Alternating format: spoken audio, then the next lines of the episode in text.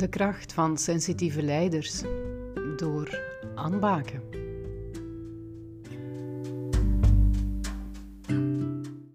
In deze episode zouden we graag vernemen hoe je jezelf kan versterken als sensitieve leider. Je hebt al verteld, er zijn heel veel kwaliteiten, maar we hebben ook valkuilen gezien. Mm dus ik denk dat de, de mensen, zowel de leidinggevende uh, als de sensitieve leiders, zelf wel graag eens zouden weten wat wat kan ik nu voor mezelf doen om daar ja. een evolutie in, te, in te, door te maken. Ja, en ik zou het ook fijn vinden als er meer en meer sensitieve leiders die evolutie doormaken. Want we hebben het echt nodig in de bedrijfswereld, dat, dat die gaan opstaan. Nu, het is een, uh, een niet zo'n eenvoudig proces. Um, je moet wel bereid zijn om jezelf tegen te komen en, en ja, jezelf in de spiegel durven kijken. Maar het heeft absoluut zijn vruchten, of het werpt zijn vruchten af. Het eerste waar dat je mee dient te beginnen is het herkennen van je sensitieve eigenschappen.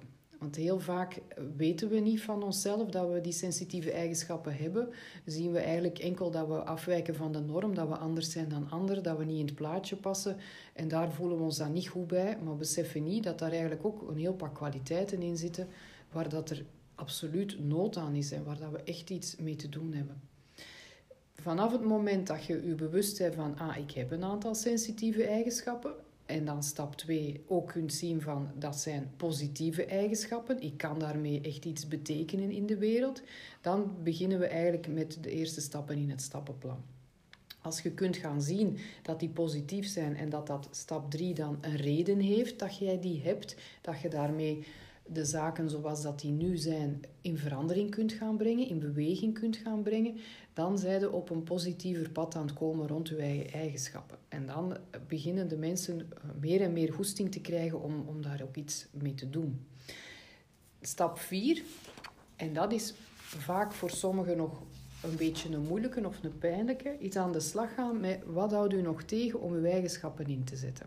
Eigenlijk is dat een, een soort van inventarisatie. Dus je gaat eerst je eigenschappen herkennen, je gaat ze als positief zien en je gaat begrijpen van ik heb daar iets mee te doen. Ik wil daar graag iets mee doen, maar blijkbaar lukt mij dat niet. Ik wil misschien wel eh, mijn kwaliteiten inzetten op het werk, maar ik val elke keer terug in, ja, ik trek mij toch weer terug en ik zeg toch niet mijn mening. Dus dan is het uitzoeken, wat houdt mij tegen? Om dat uit te zoeken, je kunt dat zelf doen, door heel veel zelfreflectie te doen. Maar het zou kunnen dat je daar in die zelfreflectie dan ook vast komt te zitten. Dat je uiteindelijk niet gaat komen bij hetgeen dat u gaat helpen om eruit te geraken. Maar dat je je eigen verder gaat vastdraaien in bepaalde negatieve gedachten over uzelf. Dus daar is het misschien wel interessant om daar met iemand anders over te spreken of u te laten begeleiden. Een kapstok die dat je kan gebruiken om uit te zoeken wat dat u mogelijk tegenhoudt om uw sensitieve kwaliteiten in te zetten, is die van de vier dimensies van persoonlijke ontwikkeling. Dat is een kapstok die eigenlijk door iedereen kan gebruikt worden om zijn persoonlijke groei te stimuleren. Eerste laag, de onderste laag van die kapstok, is de fysieke laag. En als je die gaat vertalen naar leiderschap, dan heeft dat eigenlijk vooral te maken met: kan ik als leider aanwezig zijn in het moment? Kan ik in het hier en nu zijn? Kan ik aandachtig aanwezig zijn als ik met mijn team in een meeting zit? Of zit ik ondertussen aan andere dingen te denken? Kan ik erbij blijven? Want dat heb je nodig om te kunnen detecteren wat dat er gaande is in je team. Dus daar kun je al voor jezelf eens checken van, kan ik dat? En als dat niet zo is, dan zit daar een groeipotentieel waarop dat je kunt werken. Volgende laag is de emotionele dimensie. Kan ik als sensitieve leider kritiek ontvangen zonder dat ik helemaal emotioneel van de kaart ben. Neem ik dat te persoonlijk, pak ik het te veel op mij, of kan ik daar weer de verantwoordelijkheid leggen bij waar dat de verantwoordelijkheid thuis hoort? Kan ik bijvoorbeeld feiten scheiden van mijn persoon op zich? Kan ik kijken naar wat heeft te maken met een project en wat heeft te maken met wie dat ik ben als persoon? De derde dimensie is de mentale dimensie. Kan ik mijn focus houden op met wat dat ik op dat moment bezig ben? Of gaan mijn gedachten alle kanten op? Kan ik mijn gedachten de baas blijven? Of sturen die gedachten mijn gedrag?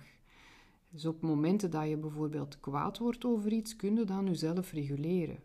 Kun je ervoor zorgen dat hetgeen, het gedrag dat je toont, dat dat ook het gedrag is dat je wilt tonen op een bepaald moment? Of gaat je laten leiden door wat dat er zich afspeelt in je hoofd op dat moment, de dingen waar dat jij aan denkt? Die dat daarom niet de waarheid moeten zijn. En dan de laatste dimensie, dat is de dimensie van zingeving, is ook wel de spirituele dimensie. Daar gaat het over, weet ik wie dat ik ben als leider, waar dat ik voor sta, wat dat belangrijke waarden voor mij zijn, weet ik wat dat mijn visie is en kan ik die ook neerzetten. Ben ik de leider waar dat mijn team inspiratie uit kan halen? Kan ik ook inspiratie naar boven brengen bij anderen? Dat is uh, een belangrijk aspect van die spirituele dimensie. Dus dat zijn vier dimensies die dat je kunt gebruiken om voor jezelf te beginnen met wat houdt mij nu tegen om mijn eigenschappen in te zetten. En heel vaak blokkeren mensen, of het eerste waar dat ze op gaan werken, is die emotionele zelfregulering en die mentale zelfregulering. Heeft te maken met beperkende overtuigingen, gedachten dat je hebt, waardoor dat je aannames hebt die dat daarom niet waar zijn. Verhalen dat je zelf vertelt, die dat heel vaak al van in je kindertijd geïnstalleerd zijn, waardoor dat je het jezelf eigenlijk moeilijk maakt. Daar moet je eerst achter zien te komen om die te gaan ombuigen, om daar geen last meer van te hebben, ervoor te zorgen dat die je gedrag niet te veel gaan bepalen. En uiteraard wat dat helpt is heel helder weten van wat wil ik hier bereiken, wat is mijn visie, dus die zingevingsdimensie, dat je weet waarom dat je doet. Dat helpt om met die overtuigingen om te gaan. En hoe meer dat jij kunt aanwezig zijn in je lichaam, dat is dan die fysieke dimensie, hoe sneller dat je kunt aanvoelen, en dat kan misschien raar klinken, maar toch is het zo als je erop gaat beginnen letten, dat je weer aan het vastlopen bent in een bepaald gedachtepatroon. Want dat gaat samen met bepaalde lichamelijke sensaties. En, vanaf, en die zijn meestal net iets sneller dan je gedachten. Dus vanaf het moment dat je die voelt, weet je van oei, ik moet opletten, want ik ben hier weer in een loop aan terechtkomen waar ik eigenlijk niet naartoe wil. Dat is een heel boeiend proces om daarmee aan de slag te gaan. Maar natuurlijk, de momenten waarop dat je je emotioneel of mentaal niet zo goed voelt, gaan daar ook in naar boven komen. En niet iedereen heeft zin om daar naar te kijken of in die sfeer te vertoeven van mij niet zo goed voelen. Maar eigenlijk is dat wel nodig om verder aan de slag te kunnen met uw kwaliteiten. Wat kan volgens jou zo'n transformatieproces triggeren? Want je ziet heel dikwijls mensen jarenlang op, hetzelfde, op dezelfde manier ongelukkig uh, overprikkeld en al die zaken uh, mm. die op datzelfde niveau blijven hangen. Maar zo'n echt transformatieproces zoals je nu aangeeft, wat kan zo'n proces triggeren? Ja, spijtig genoeg hebben veel mensen nodig dat er echt iets ernstig gebeurt of, of echt een, een belangrijke, uh, zwaar uh, emotioneel of mentale gebeurtenis om hen te doen stilstaan bij hoe dat ze hun leven leiden en uh, of dat ze het op een andere manier willen leiden. Dat kan een overlijden zijn, dat kan een scheiding zijn bijvoorbeeld, dat kan ook um, een burn-out zijn waar dat veel mensen in terechtkomen. En dan pas zijn mensen bereid om te gaan kijken naar wat zijn uw patronen dat ik eigenlijk regelmatig zie terugkomen. Als je vaststelt bijvoorbeeld dat het altijd opnieuw gebeurt, dat jij altijd heel dienstbaar bent en daarna tot een uitbarsting komt, omdat je je niet gezien of gehoord voelt, als je dat bij verschillende werkgevers terug ziet komen, ja, dan moet je er vrij zeker van zijn dat dat niet alleen aan die werkgevers ligt, maar dat jij dat ergens aantrekt en dat je dat stimuleert in mensen om op die manier mogelijk misbruik tussen aanhalingstekens van u te maken. En dan weet je van, ik heb een patroon vast, ik moet daar misschien zelf eens naar gaan kijken om te vermijden dat ik het bij mijn volgende werkgever terug ga tegenkomen. Dus spijtig genoeg hetgeen dat mensen helpt om daar naar te kijken, is vaak heel zwaar geconfronteerd worden met jezelf, met dingen dat je niet fijn vindt. En echt op een moment komen ehm, dat je hulpeloos, machteloos voelt, dat je geen zin meer hebt om door te gaan. En eigenlijk is dat niet nodig. Je kunt nu ook, zonder dat je zo diep zit, al beginnen met je transformatieproces. Gewoon door jezelf in vraag te stellen, door gebruik te maken van een heel eenvoudig model zoals die vier dimensies. Um, door informatie ook te, te, vragen bij anderen hoe dat ze u zien. Dat kan allemaal helpen om uw bewustwording te stimuleren en dan is het niet meer nodig dat je zo diep gaat. Dat lijkt mij pittig ja. te zijn. Um, ja, je zou kunnen verwachten ehm, in de ideale wereld dat het, de leidinggevende van deze persoon die in die transformatie gaat, daar een zekere hulpbron in uh, zou kunnen betekenen. Mhm. Maar is dat in de praktijk ook zo? Of anders gezegd, waar moet je heen als je voelt dat je daarin terecht aan het komen bent. Ja, sommige mensen hebben het geluk dat ze een leidinggevende hebben die hen daarin bij, op bij kan begeleiden. Vaak zijn dat mensen die dat, dat zelf al zijn tegengekomen, die weten wat dat zo'n proces inhoudt. En die dat dan daardoor over de kwaliteiten beschikken, omdat ze zelf door de transformatie gegaan zijn, om het één te detecteren bij iemand van het team en twee, die persoon uh, hulp te bieden. Nu, sowieso is het niet de rol van de leidinggevende om als coach of als psycholoog te gaan optreden. Hè? Want dat zijn zaken waar dat je voor gestudeerd moet hebben, waar dat je bepaalde achtergrond voor moet hebben. En we mogen niet verwachten van een leidinggevende dat hij die, die achtergrond heeft. Als dat wel zo is, zoveel te beter. Maar meestal is het wel zinvol om iemand die dat je ziet afglijden door te verwijzen naar een coach of naar een psycholoog, dat hij dat traject niet alleen moet doen. Er kan ook aan teamcoaching gedacht worden, maar in eerste instantie is het belangrijk dat er met de persoon zelf gewerkt wordt, dat die versterkt wordt, dat die voor zichzelf een beeld krijgt van waar loop ik vast. Want we hebben het gehad over triggers, patronen, transformatie, verschillende niveaus waarop dat we kunnen werken. Misschien is het interessant als je ons eens een case zou kunnen uitleggen die dit stappenplan en die verschillende dimensies illustreert. Mhm. Ja, ik ga er eentje uitnemen. Ik heb een, uh, een coachie gehad, dat is een, dat is een directielid. Die heeft een, een team onder zich, waar dat... Uh, ja, het is eigenlijk een team van leidinggevenden, die hebben allemaal zelf hun eigen team. En ehm, als we gaan terugkijken naar wat heeft die persoon vroeger meegemaakt, dat het voor hem nu moeilijk maakt om zijn sensitief leiderschap op te nemen, die werd door zijn moeder altijd vergeleken met zijn zus. En zijn zus was in alles beter. Dus hij heeft eigenlijk al op heel jonge leeftijd geïntegreerd, een soort imprint voor zichzelf gemaakt, uh, die uh, tegen zichzelf zegt van ik doe het toch nooit goed, wat dat ik doe is niet goed genoeg, ik moet nog beter mijn best doen, ik moet zorgen dat ik zelf alles onder controle heb en dan misschien kan ik iets doen dat goed genoeg is. Want ja, tot nu toe was eigenlijk als kind was eigenlijk altijd de zus beter dan hijzelf. Nu, waar leidt dat toe voor hem op de werkvloer? Dat hij uh, heel sterk de controle wilt houden over alles wat zijn teamleden doen. Dus als hij een vraag stelt om een nieuw project op te starten, dan weet hij eigenlijk al in zijn hoofd hoe dat hij wil dat dat project verloopt. Maar het kan natuurlijk best zo zijn dat een teamlid graag op zijn eigen manier een bepaald project wilt afhandelen.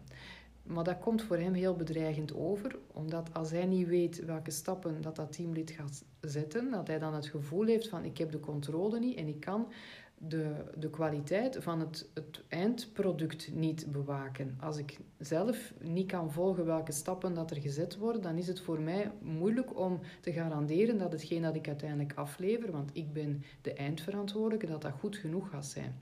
Dus ik heb eigenlijk liefst dat dit, dat teamlid volgt hoe dat ik het zie. Wat dan natuurlijk tot heel veel conflicten leidt in zijn team. Want hij stelt een vraag, mensen zijn geëngageerd om dat op te pakken, maar hij wil dan altijd wel de controle houden en bepalen wat er gaat gebeuren. En dat was eigenlijk vrij nefast voor de productiviteit in dat team.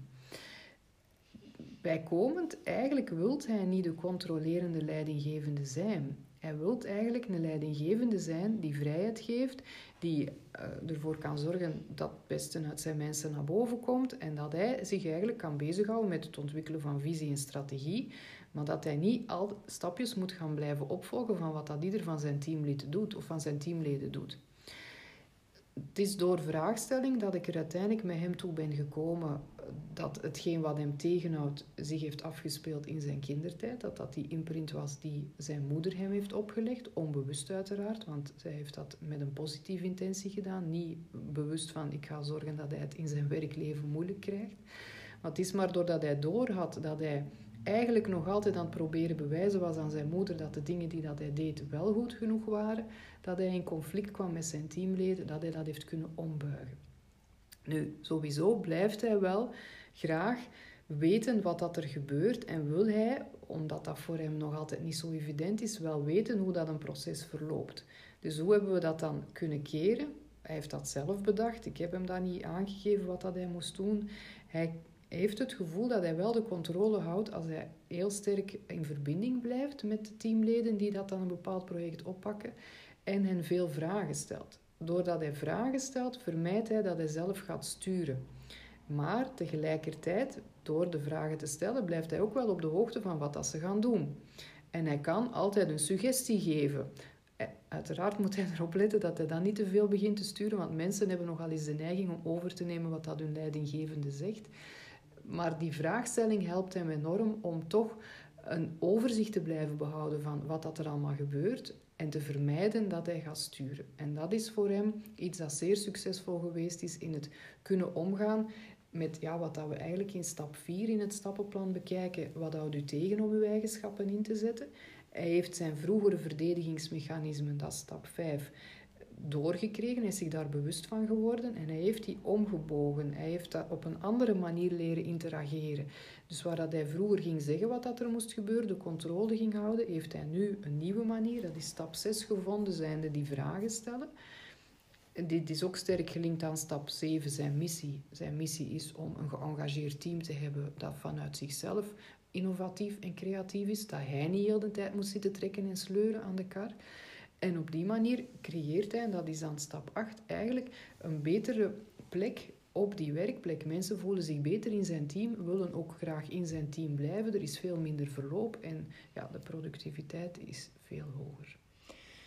Misschien interessant om te weten, um, dat proces dat je nu beschreven hebt, uh, hoe lang, ik weet niet of je daar zicht op hebt, hoe lang de persoon daar al tegenaan liep en hoe lang het dan geduurd heeft om dit om te buigen?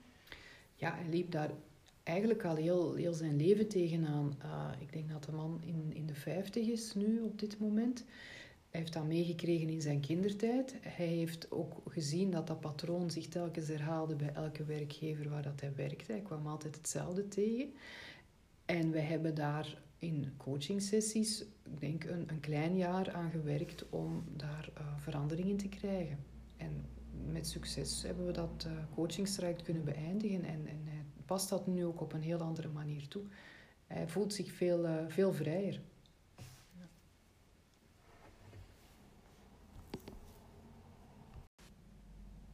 Dankzij de vragen die Christine gesteld heeft aan mij, hebben we al heel veel kunnen vertellen over wat dat de inhoud van het e-book is, wat dat er allemaal in staat. Maar ik kan me voorstellen dat jullie zelf als luisteraar nog wel met vragen zitten. En we zijn ook heel bereid om jullie vragen te beantwoorden. Zowel eh, Christine als ik verheugen ons er eigenlijk al een beetje op over welke vragen dat we allemaal gaan krijgen. Dus hou u zeker niet in om eh, vragen door te sturen. Dat kan via de gegevens die je vindt op www.naturalleadership.be. En uh, dan gaan we proberen om jullie vragen zo goed mogelijk te beantwoorden en jullie verder op weg te zetten om uw sensitief leiderschap in de praktijk te zetten. We kijken er naar uit naar jullie vragen. Laat ze maar komen.